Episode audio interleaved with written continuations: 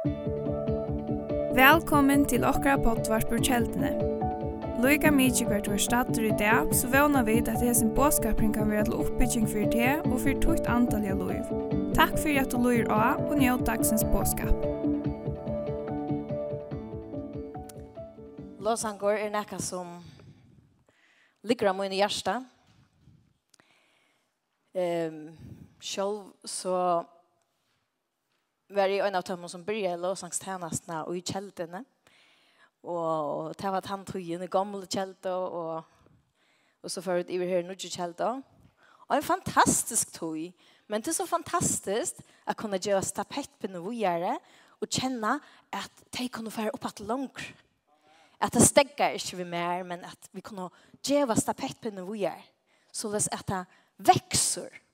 Guds rydde og og tjenesten vekser til fantastisk at oppleve det Og jeg elsker lovsang og jeg opplever Guds nærvær oftast og gjør kan lovsang. Jeg vet ikke hur det är. Jag hade ganska för att tända det. her. Er det her? Ja. Ah, ok. Ja. Um,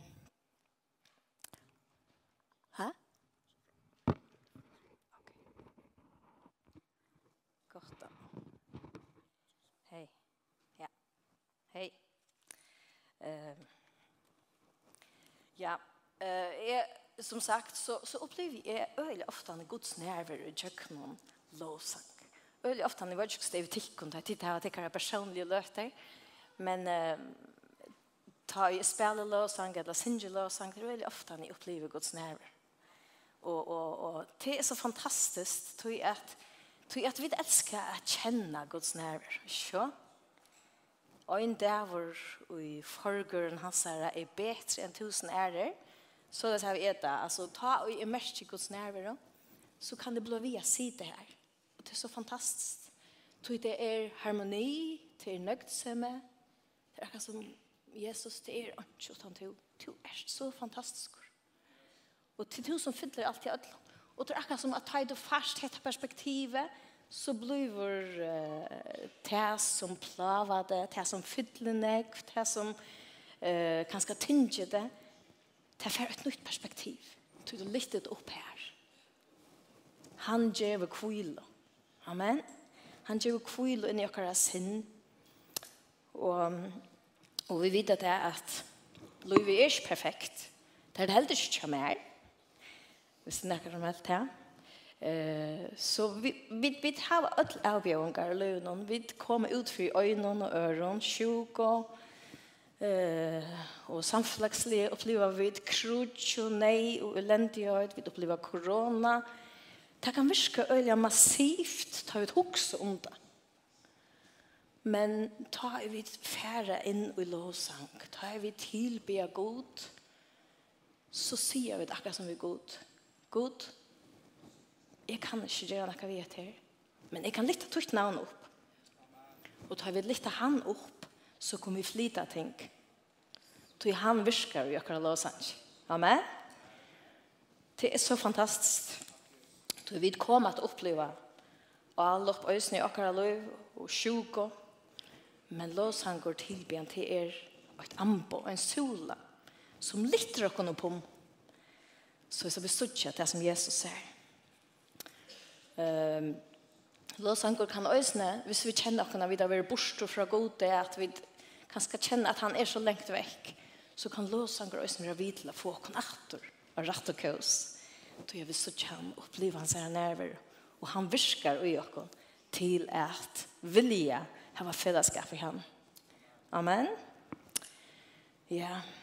Så låsangur til er det er fantastisk i samkomna just nu som tar fiddlen og kvar och, och jag vill bara säga tack till lovsangstjänsten jeg vet hvordan jeg snäckva tog det här de offrer faktisk uh, flere timer om vikene, bare i måna kveld å trene, og er møte begynner, så er det klar her. Og, og det er, det er um, en priser som man skal betale til man er i løsningstjenestene. uh, og det som er, Det er fantastiskt att uppleva Guds närvaro. Och sen tar du ständigt till loje, låsang och synkor. Men det som vi också skulle minnas det, det är att låsangarna är jinko främst. Tar jinko främst i ströjnen og tar er utsett röst for jo all opp. Og tar må vi som samkomma minnas la bia for dem. Så de standa fremst og i ströjnen och i sni andans värld har vi det möte på. At vi lytter deg opp, at vi... Uh, omfavna deg, at vi gjør dem en år til vi kjenner at vi oppmuntrer deg. Det er så tøtninga av meg. Um, tog at akkara bare deg er ikke møter blå i holdet, men til er møter himna, det er motor hva sier det senter? Makten og myndeløkken i himna rundt. Um, det sender i uh, Johannes 4, 23 til 24, Men tann stund kjemur, ja, hon er langt nu komen, ta hinner sånne tilbærerne skulle tilbya og i anda og sannløyga. Så jeg til slukker tilbærer færen søkjer, goder ande, og tar som tilby han, og jeg tilby og i anda og sannløyga. Hva er det at tilby anda og sannløyga? Hvor skulle vi tilby? Vi er skapt av god. Og vi er skapt til tilbe. Det er ui okkom. Eh, det, ligger ui okkom at tilbe av god. Og det er kanskje alt som har finnet en oppenbering av hvert tilbe han er. Men, men god har skapt okkom til å tilbe. Eh, er det for hans er skilt? Eh, brøydes god og gjør noen låsang. Nei, han er alltid den samme. Men vi brøydast. Ta vi lytte han opp. Og vi kunne flyte noen ting. Ta vi lytte han opp. Um, til sjående tydningar, mest, tydningar at i ødlån som vi gjør eh, viser vi et liv av tilbyen. At skjønner at hvis vi bare kom inn her sånn det og tillbe så kan det ofte bare bli år, og det blir ikke så livende til du bare leser en tekst opp. Men hvis du ikke tilbe i grunn av Guds år og samfunnet vi god, så blir det størst. Du det samsværer vi nekker du den andre til du proklamerer Guds år ut. Og i sant. Så det er en kraft ut det. som virkar øyne ut her. Ehm Ta stendur i en verse at vi da finnes andre sånne rettarens som vi ropa Abba feir. God innskjer og tatt samfunn av jokk. God innskjer at heva okkon så tatt jeg seg. Er det han som flyter seg fra okkon? Nei, det er vi som flyter okkon fra hånden ofte. Ja? Det er så nek som oppteker akkurat tankar og sinne. Men god han innskjer og et hjerte til hjerte samfunnet av jokk han ønsker at, at vi er ekte. At, uh, at vi elsker han av ødlen okkara hjerte. Sunne og okkara styrke Det er trygg vi er om pastor av sannere tilby. At vi ikke bare synger noen år, men det er noe som kommer fra okkara hjerte. Og vi sier det ved Jesus, til vi mener det. Og at at sjølvande, at vi er ikke perfekt, men vi røyna at lujast honom og vi, vi lærte, vi, vi tilbeja og, og akkurat luivi og i ødelen tog som vi gjør, at det samsværa vi det som vi proklamerer ut til er opphatt sterskere i øsne vittnesbord men um, låsangur er øyla nek omtala av vår bøyblen ikke si ja. og vi da var ankt i tog som et her fyr men Eh, men det er tjej år i Bibeln om, som omtaler låsang, eller tjej uttrykk i Bibeln som omtaler låsang, som jeg for nema vi. Og vi kunne godt haft åkt møte om åkt år. Så vi færa nok så uflade tjøkken da, så ser Pauli Øysen færa sin tre plasse. um, men til hese her årene. Og nå burde jeg finne Bjørk finner opp. Du du ikke breis i prøvene. Skal du komme og se det? ja, jeg sier det nok ikke som, uh, som det jeg sier her. Men tog at her mangler anker sånn liten bøkstaver, eller sånn liten tegn og piver til dems halal, eh, til hever et tegn og piver anon som ser såløs ut. Ja, så jeg sier tjej årene, de utrykja imest eh, for lovprøysen. Og jeg ætler bare lykke at jøkken ganger det kjøtt. Trud, man kan si at det er tjej mater at tilbya, eller tjej hatter at tilbya god på. Og den første,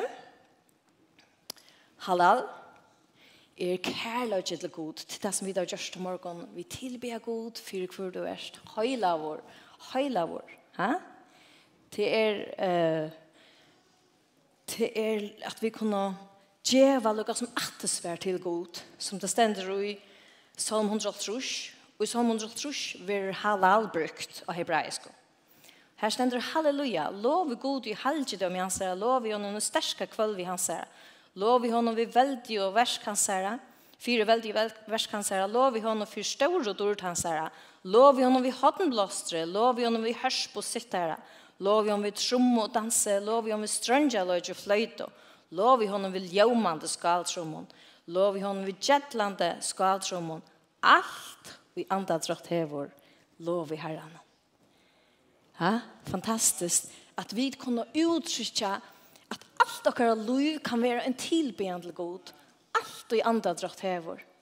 Lov i honom. Skapar verskje lovar honom òsne. Det er fantastiskt at sudja. Ja et skaparversk og at sutja at vi gledes om skaparverket. Det lovar honom, det prysar honom, det er han. Og eh, Rune Borg så var det Sjørstvig, og han, han sier en setning som skriver i nyår, at elska Jesus er et attesvær og på hans herre kærløk at lakk. Det er et attesvær som vi gjør til god, og på hver han er, hva han har gjørst. Så halal attesvære til er at elska vi okkara hjärsta, okkara sal og okkara styrst. Det vil si at alt okkara liv er en tilbya. Ikke bare her inne i disse løten her, men og hvis ni morgen tar vi fra skola, så kunne vi avspekla dårdgods, avspekla han ui okko. Så vi er fyllt av honom. Um, Så dette var det første. Og som sagt, jeg fer i flats til kjøkken etter for at vi bare kunne få en, en smaksbit av sin. Det kan inspirere omkring til selv for å gjøre et gransk og isen ned. Så det neste er jada. Eller jada, jeg vet ikke hva man sier. Um, og i hessen årene ligger takksomme til god og året. Um, hva sier året? Hva sier året om te? Hva sier året om meg? Jeg sier at det som god ser, så stender det i Salmon 23, 14-16, jeg tar ikke der at det er virka og så metallig underfullt. Underfullt er verktøyene, ta vøyd Salmon til fullene. Bøyen mine var ikke ter dold, da jeg var skapt og lønd om virka og jobben. Som fastor så eget hun med, og i bøk tøyne og tar atler oppskrivet det han er jo avsett i vår, og er nekere at han var kommet. Fantastisk. Vi er så virusmiddel i Guds egen. Og dette her har haft så stor antydning for nekv, som har kjent seg så virusleis. Vi har brukt for å minne noen av hva Guds år skyr om oss. Og tar vi minne noen av det, og tar vi gjort det ut i sanje og, og det som vi sier, så brøyder det oss så brøyde det akkurat oppfattet og vi kjenner et nøgtsømme, vi kjenner en fri som fyller oss mer enn det som vil trykke oss nye. Um, Gransking viser at en tøyende faktor for å trives som menneske, det er takksomme. Og det er ikke en det er ikke tryggvande folk som har gjort det kan menneskene. Men vi vet det. Vi gjør det Vi vet att at att Bibelen sier tack i ødelen för. Så takk som er otroliga tydningar mycket. Jag suttar det som god ser och i mer och i öron. Det skapar ett tack som jag Och vi kan uttrycka det. Barak. Det er, ja, signa. Her skal jeg være et edd i enda nær det sånn at vera eh, signa til å være til sikning. Det er det som ligger i sånne årene om barak. Og, og vi vet at det er at den største gaven til Jesus til oss. Han gav oss Jesus. Du så elsker Gud høy, men at han gav sånn som i øynbarna. For jeg kvørt han som tror han skal ikke fortapes, men jeg var utløp. Og, og hette her året vi har brukt og i oss ned um, sammenhengen om at um, at Gud, han elsker i oss. Han elsker i oss først. Tog kunne vi elske. Det stender i 1. Johannes brev 4, 9, at vi elsker, tog han elsker i oss først. Og og hette er øysene til at vi da innsamling, til at vi djeva, til er øysene pastor av okkara tilbyen til og isne para, barak, sikna til å være til sikning. Vi er å sikna til at sikna. Ikke bare for at fytle av oss selv, for at hukse om meg og mot, men sikna for en å slukke tog som hese, til det som Herren hever, for det som er rundt om oss. Amen. Uh, så det er utrolig viktig att vi ösne takker helt er till och att att vi älskar Gud i året och värst. Att det inte bara blir tom år som kommer ut från oss men att det blir år som kommer från våra hjerte, och att eh och att vi är djevere av midlene av pengene och av allt som vi har. Att det är bara pastor av våra DNA att geva eh till Gud. Han älskar en glädjen givare och det stender att det sälar jag djeva enn å få. Det är fantastiskt. Du blir alltid glad over det du ger. Um, det är fantastiskt. Du fast som oftast, kanske ikke alltid, men så fast du bare en sånn glede, vet du, och kanske att och svär och på imenska mater. Og ja, Jeg kunne fortalt meg av vittnesbordet, men, men jeg rakker vi til kjenne det selv i øsene. Ta tid kjenne det kom mynt av at fære til omkring person og djeva akkurat. Gosse glæver man blir. Det kan koste oss akkurat til kvørst, men, men det kommer en sånn glede i hjertet til vi gjør det. Um, så det var rett av året. Hvis du så fære vi gjør det, så er det Tehila. Tehila eh, til så att at har vi blå frälst så får vi Guds fri i våra hjärta. Guds nerver i våra hjärta. Vi får alltså som eh, en ubyggvande fri, kan man se. Eh, Låsangur ger til att vi øysene kunne uppleva Guds manifesterande nerver. Og det er fantastisk at oppleve Guds manifesterende nærvær. Vi opplevde Guds manifesterende nærvær i morgen. Ta Maria bæ, så opplevde hun Guds nærvær.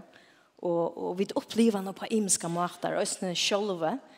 Eh, men låsanger er vi til at manifestera Guds nærvær i akkurat livet. sånn til akkurat møter. Og vi brøytast i hans her nærvær. Eh och vi upplevde det näst största vikskiftet här Rune var här ösne. Guds manifesterande närvaro.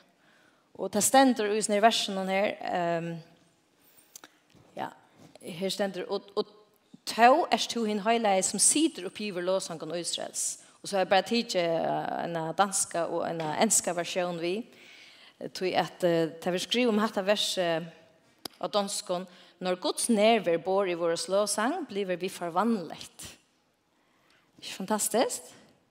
Så ui Guds nerver og vera vi brukt. Og låsangren utløser noen ting, sangren fra akkurat hjärsta. Uh, og ens skonstentor, yet I know that you are, the, you are most holy, it's indisputable, you are God enthroned, surrounded with songs, living among the shouts of praise of your princely people.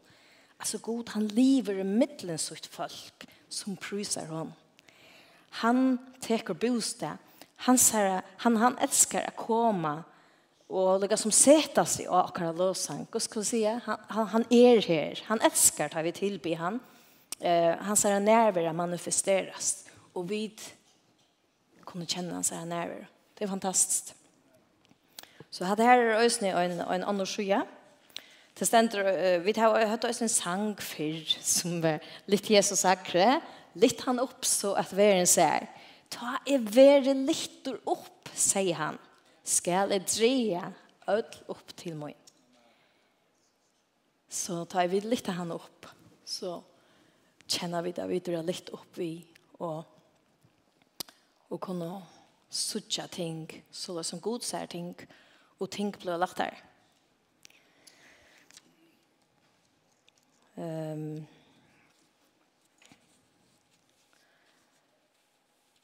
Det neste året her er Samar. Vi tar en bølg i samkomne som heter Samar. Det er mest kjør, eller det, det som ligger ut i er sanger og tøvnløyker. Og i Salm 58, vers 5-6, her stender låsing herren om vi sitter her. Vi sitter og låsangsløve. vi lurer og hoddenbløster. Råpe av frøye, for kongen herren.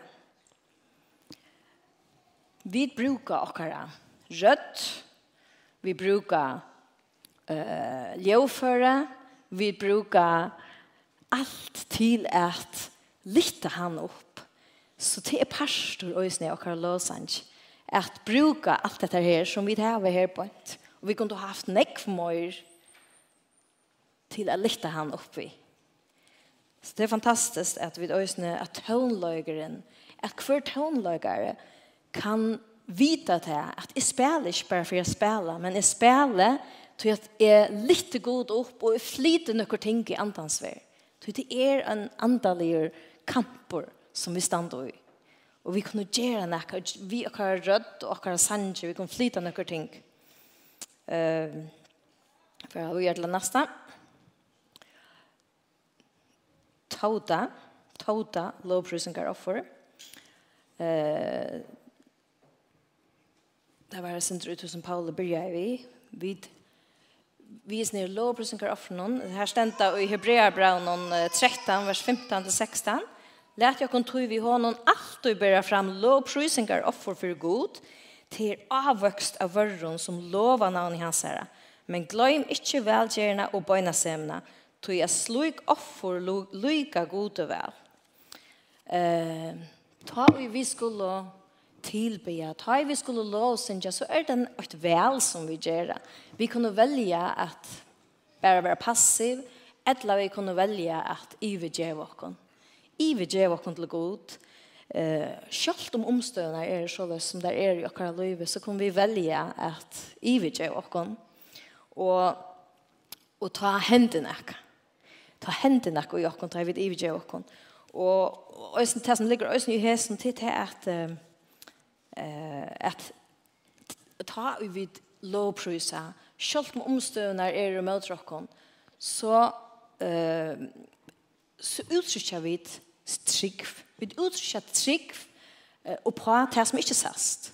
Hebrea brev 11, at utan trygg er det mølt at takna skod. Men vi trygg at han er til, og at han løner tøymen som søkja ham. Det vil si at vi stande, vi stande her og synger til god, tog at vi tryggva at han er til. Så lovprising er et uttrykk for akkurat trygg. Proklamera hver han er og hva han gjør. Hans er sannløygar iver akkurat løy og vår omstøver. Um, ta fær eiene borstor fra okkon og vi venda deg av Jesus. Og her kunne vi ikke nekte med Paulus og Silas og i fenghusen tar trudger vi menner til Daniel, som var i Elsa Ånden. Og det er nekk dømer om etter at vi velger at tilbe. Og jeg kunne jo også sagt nekk dømer selv. Det er fantastisk at kjenne og gjøre løyve at høyest omstøver, høyest sjuk og høyest møtgång til løyve noen til at venda til ni eier til god, og djeve noen tilbejan, til utløser fri, til utløser nøgtsemme. Det er så fantastisk. Jeg kom også som kan fortelle øyne litt, og, og jeg har alltid, jeg har alltid nevnt øyne for fire ta i pappa døye, eh, fire kjøtt, tog jeg her så gjerne. Så, eh, så var åtta sørste han sier med mamma. Um, han, ville, han ville så gjerne bli frusker. Og vi stod sammen med noen, og vi trygg om å bli frusker, og vi bør for noen, lykke til han døye. Men han fornemmer jeg sikkert at tøyen var kommet, men så sier han med mamma, Adver, um, selv om jeg dødde nå, så skulle du fortsette å be for sjuk. Og jeg hadde det en sterk vittnesbord, Og det var også det som vi mennesker, Daniel har gjort i ånden, at selv om vi ble brent opp, så trykker vi det lukket. Og, og, og, og mamma sier det nemlig til gjærefyrene at har jo pappa la her til minnesløtene. Eh, sier i årene som pappa har sagt. Men hva sier pappa etter her? Tar han døy? Hva sier han det? Jo, det tog at han sier at trygg var bygd og han er Han sier at trygg var nek sterskar enn akkurat tann hendingen. Han sier at trygg bær. Vi så ikke at han ble grøtter ta, men vi så, men vi to gjør skal ligge med noen, men han sjøen finner et nytt dørre ligge og det er fantastisk. Men han ville at dette skulle sitte etter. Jeg kjenner øyn som grøyer. Og han har opplevd det i sønne løyve at god grødde han for Iskias, ordentlig, ordentlig konkret, spontant. Så han visste hvor god var. Og at her er så tydninga er mykje for okken, at vi vita hvor Gud er, at vi kjenner han, til ta blod Guds år, så rædja han er sterskare, og i okken lås han blod så fantastiska sterskor, ta og Guds år er grunderleg, og samfunnet vi han så er det ikke bare år som vi synger, men ta blodet tilbyen og i anta og sannløyga. Amen. Ja. Uh. Shabak. Ja, ben. Ja, å ja. Du kommer. Du er ikke klar, Paul. Jeg synes det er det er Shabak, råp om sier, eh ständer det på ett eh, fräls och kon fräls fräls så god och ära sänka och kon samman fri och kon förhållning någon så vi får lov att höja namnet till en röst och kon är att kunna prysa det här Åkt atterlig fyri og anna etter lov prusa verskontunnen kunger veldig versktunnen.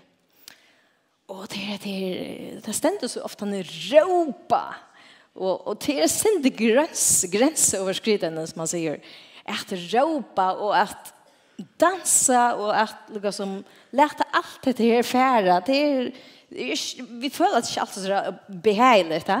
men dette gjør noe vi og Dette er noen faktorer som flyter noen ting øyne inni i okkara livet. Da vi trekker og døyde og tårer at dumme okkon for gode.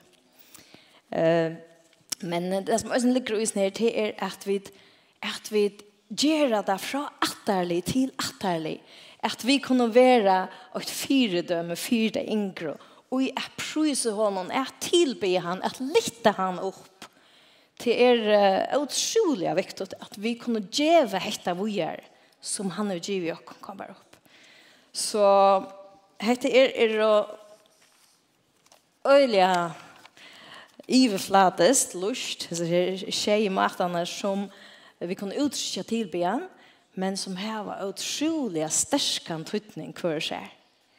Och som är pastor är åkara löve og i tillben och låsange. Och jag tycker at har vi få egen i uppfyrd så blir det upp att det stärskar är att, det är inte bara låsangor som vi bara tom år som vi synes ut men det är livant det är mått mycket och kvassar när jag tror jag Amen ja så ska du tacka er nu Pavel Amen. Ikke fantastisk? Hette er vi kunne bliva etja i kvart til at lovpris herren er nekka som er framur og vi der bruk for er mynta. Og du kan spyrja okkon hvor teka vi hette evne saman i jastrid og skal si deg hvor du heilig anden er mynta okkon at. Det vil si heilig anden vil si okkon ekk.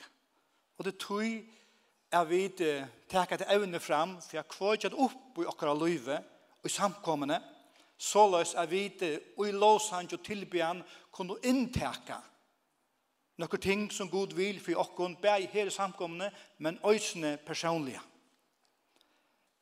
Låsangur setur i fralse. Jeg vet ikke om det er mest til det da vi sunger her det. Vi kvarst, så kan vi oppleve låsangur at det forløys akkurat som er salvelsen i det. Sint du mør vi kvarst, Og, og jeg fornemmer det, og tror jeg, vel her i morgen, det så ut, og jeg mest fløyer tog det. Som mest det bare hopper på i, akkurat som det er det hopper på i, og, og det gjør noe vi også. Og jeg har alltid hette at være vi på det, hopper på i, til noe vi vi først må lære oss å velge. Så jeg tar vi velge det, så forløser vi himmelen, vi forløser Guds nærvero, og øsne kjensler forløses det. Du vet her etter, vi damer etter godt. Å, det føles godt. Selv om vi ikke skulle geng etter kjenslen noen, men vi där bruk for nästan. Tär Ter er og godgivner skal jeg hølse og. Så hølse, hølse så i mannen, ter er og godgivner.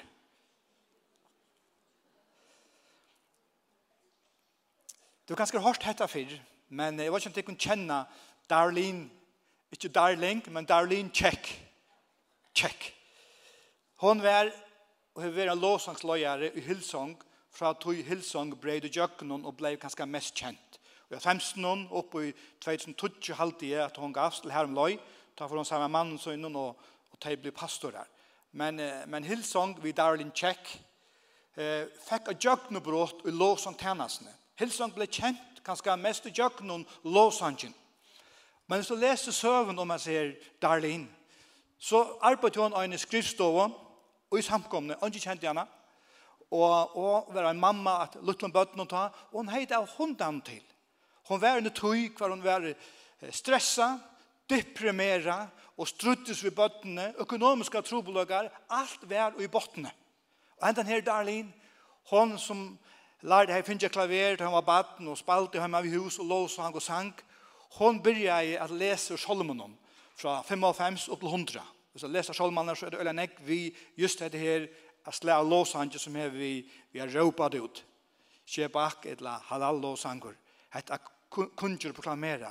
Så gjøk noen særlig en solm, og det var nok 98, og så fikk hun denne her sangen her, shout to the Lord. Hvordan jeg kjenner at han sangen shout to the Lord? Hese sangeren er sangen om Atlanheim millioner av millionferer. Det stender enda at En pavi er vi hørsta av Sundje, presidenter av hørsta, nekvar framfor i imskon um, talentsjåen, har vunnet jøgnenda sanjen, det vil si at hesen låshangren som Darlene skriva i, og sank ut under støv av depresjon, er blitt kjent om Adlan Høym, og nek kjenner han enn, noen nekvar sjøene. Men det som, det som hendte visner til at Men han var uisen her, så begynner han å synge etter, Shout to the Lord. Og han begynner å synge ut disse versene i salmen her. Og han ble via Han sang sangt omattor og omattor, så opplevde hon at depressionen byrja latta til han. Og hon opplevde djøkkenes seg løtene. Hon følte det ikke, hon er ikke hod til det, hon er hod råp og skral og alt det, alt det som vi, vi gjør, Men hon bare sang det ut, attor, attor, så opplevde hon depressionen bare littes av henne. Gleden og styrken og tryggven kom inn attor. Og hon merkte kom i tjøkkenet her en nøy av sykning og forløsende kraft. Hun var ikke kjent, ikke visste om henne, og i hilsen til i tøyene, så skulle Gjerne fløve ut, og en løyere måtte melde pass, og det stod av Berum. Så sier hun, jeg var en person som hever en lovsang, og ikke kjent henne, og det var en her Darlene. Og så brøpte han, kallet han inn og sa, hever du en lovsang? Og han var så smeg, og han er omgang sunnet fremme for nøkron, så han sier, jeg har en sang her, og, og, og så skulle jeg synge fire lovsangsløsene. Og så bensin, hun vendte ryggen til, og for hin endan med noen sang. Og da lovsangsløsene hørte jeg til, sier han, hatta teka vid, hatta sangren, og resten ble søva. Så er du i timingene, så løser god ut nekka, tog at øynene vil føtta fram, og i hele andan, ja, og i depresjonene. Og så skal god flyta noen ting, Det er noe tøy til det. Pastoren sa det ikke, men Gud sa det. Det kan godt være vi løs til når ikke ser det. Ikke stekke, ikke gjøvast. Det er Gud ser det. Og til nok til at øyne det så slær det jøkken noen og sikning til millioner. Låsanger, sa du, er en tjeneste for gode. Låsanger er en tjeneste for gode. Vi har her nekka soler. Vi tar mynda av en sol her på en, tog at det sutja det ikke alt så vel, vi sutja det vel herfra, men på hese sulen stender låsanger. Her iver. Og det som bare kongen, det sutja det heller ikke. Vi får ikke be deg om rett at det kan nye hytja, men det tog jo tog mynden her. Det er parter av okkara andalige, andalige huset kan jeg si, Okkara andalige bygninger som vi øyne vil vilja at samkomman skal bygge på. Som er parter av solene. Grundalanen som det andalige huset skal stande opp igjen tilbyan og låsanger. Og tog djeva vid nek rom fyrir tilbyan og låsanger, det er en sola som helder øysene det andalige huset oppe, som vi bytja og som vi standa innfyrir, og vilja skal bliva en parst av tog som vid øysene hera stenon eh, skal lyse ut og, være djevande. Så er det en lovsyngjande samkomma, hon slær ut og i andans ver. Og særlig om öll er vi. En lovprysande samkomma slær ut i andans verden, og jastrun jo hattu. Og jeg kamp ikke med kjøtt i blåa. Valdon, tignon i anda verden. Så mennesker loj under av depression, tunglende og sjukun øron. Låsan slær ut i andans verden, og det tøy at møtstum av akkurat djevelen hættar låsang, frujan låsang og tilbyan. Han tåler det ikke. Han var forresten lovsangsløyer i himmelen en det, hvis han for å studere. Og ble kastet ut, han ble stoltur, huggmøyer. Og tog vil han gjøre alt for det, samkommende det her og gjør, ikke skal bliva en lovsyndjande, tilbyande samkomma. Og nettopp den ikke vil det, skulle vi gjøre det. Og det tog jeg sier, en lovsyndjande samkomma slær ut i andans ver. Og hva som mest er vi takker det, hva som mest er vi ikke alltid fer etter det. Det er lovsangur løyser ut te, men ikke bare te. Han som sier ved syne her. Paulus og Silas er dømmer på te. Da tar vi i fengkhuset, Apostlesønna 16. Tar vi og tilby herran, og i fengkhuset tar vi lunsjeier. Og av midtenått stender av bøy og prysa herran. Tar vi frueier fysiskt. Og alle fengene som hørte låsangen blir frueier. Come on, til kraft og lovsangen. Det var bare tvær som kunne synge ta, det var ene som var ute, men det sjunker. Det var ikke bare andre. Vi kunne, alle var vi.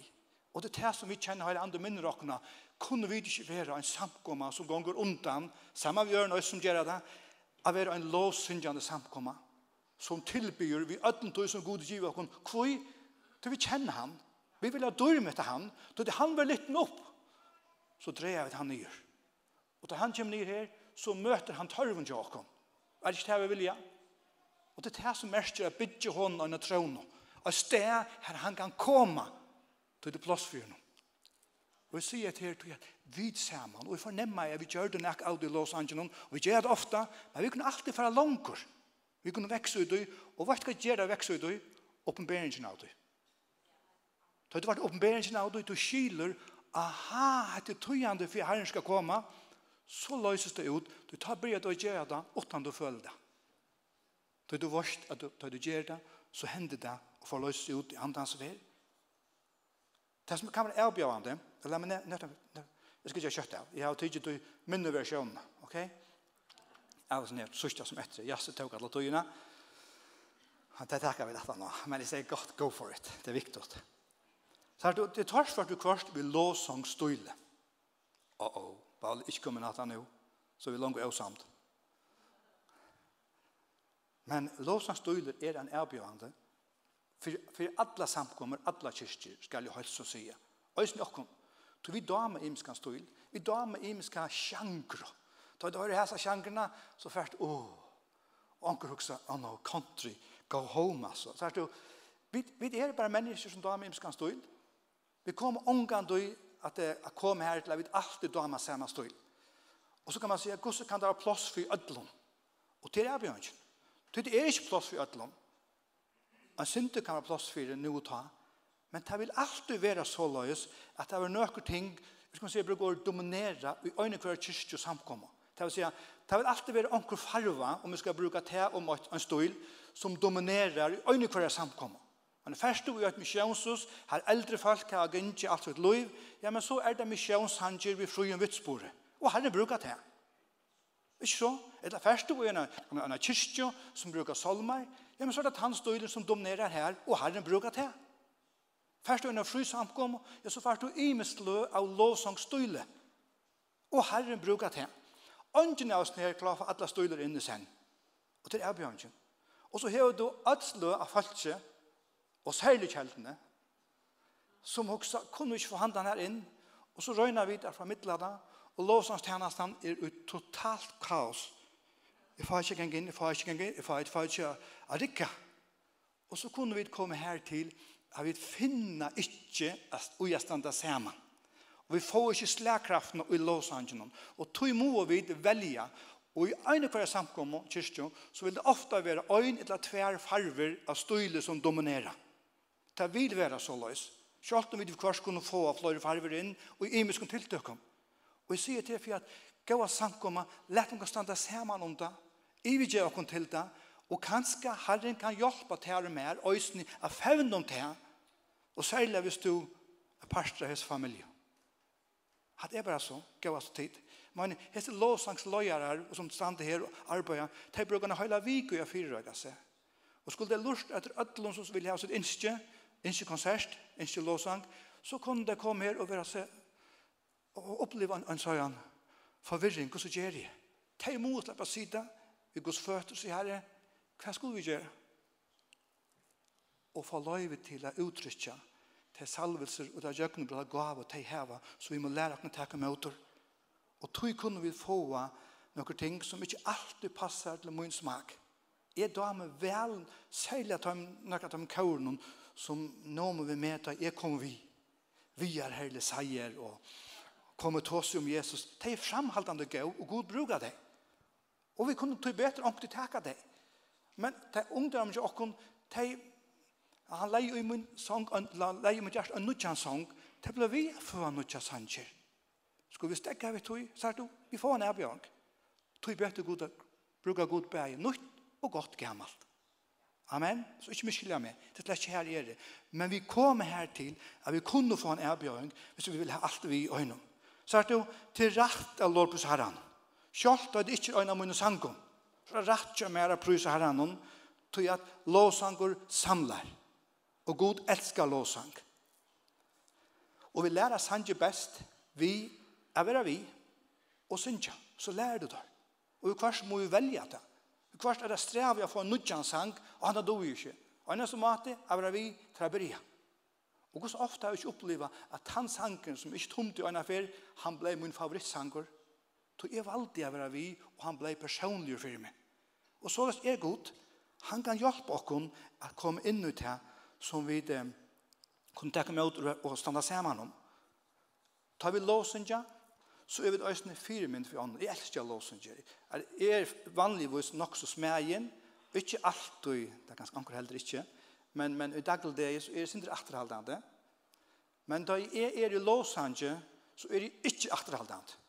Det er noe som kommer inn i meg som sier, her kan det være med sjølvan og være fruer. Og jeg elsker til å sleie lovsanger samkommende som øyne er av lydesynder og uttrykksform. Sjalt om jeg er til tilbakaldant. Sned der da. Jeg elsker det. Så det gjør noe vimme. Ta for løysen noe ned vimme. Som nå sørste læreren så hadde unge bønt, så var så har brek i enda noen lærerkvalde. Og så fører det så har tåg. Tjøkken selen her bønt. Og så kan man også anøyke og god fyre gjødene. Og så kommer det, jeg får bo med, og erne så var jeg halv av på, så var vi vidt tåkken om. Og så er det jo, jeg er fullstendig av vi på det. Det er vel gjerne gjør ungdommen en bådskap av, hette viktigt.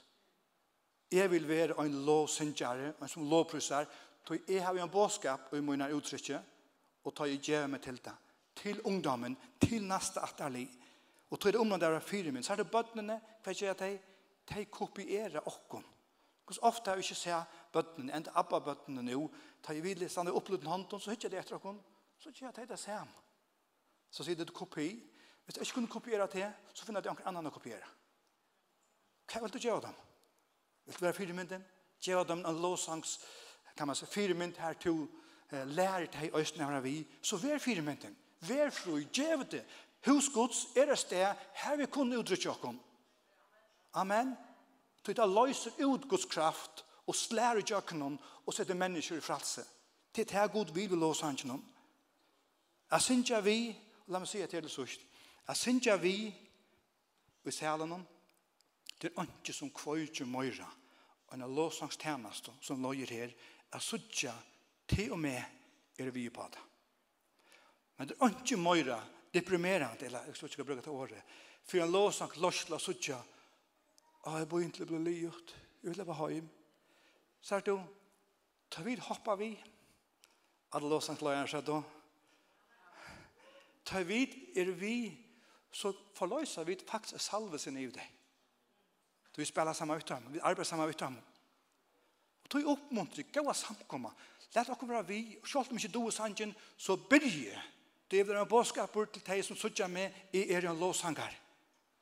Ta må ikke være så at vi gjør ødlån, og nå låsanger, nå deprimerende. Kom an, vi gjør en bådskap til noe som kom inn. Og, og vi må kvart, vi må kvart velge det.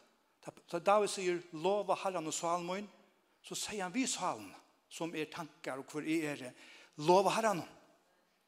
Det er å si, vi velja trakken uta, og det som tar hendur til er av Guds nervera, Guds kraft og undrene kom inn vid jøgnobrottet.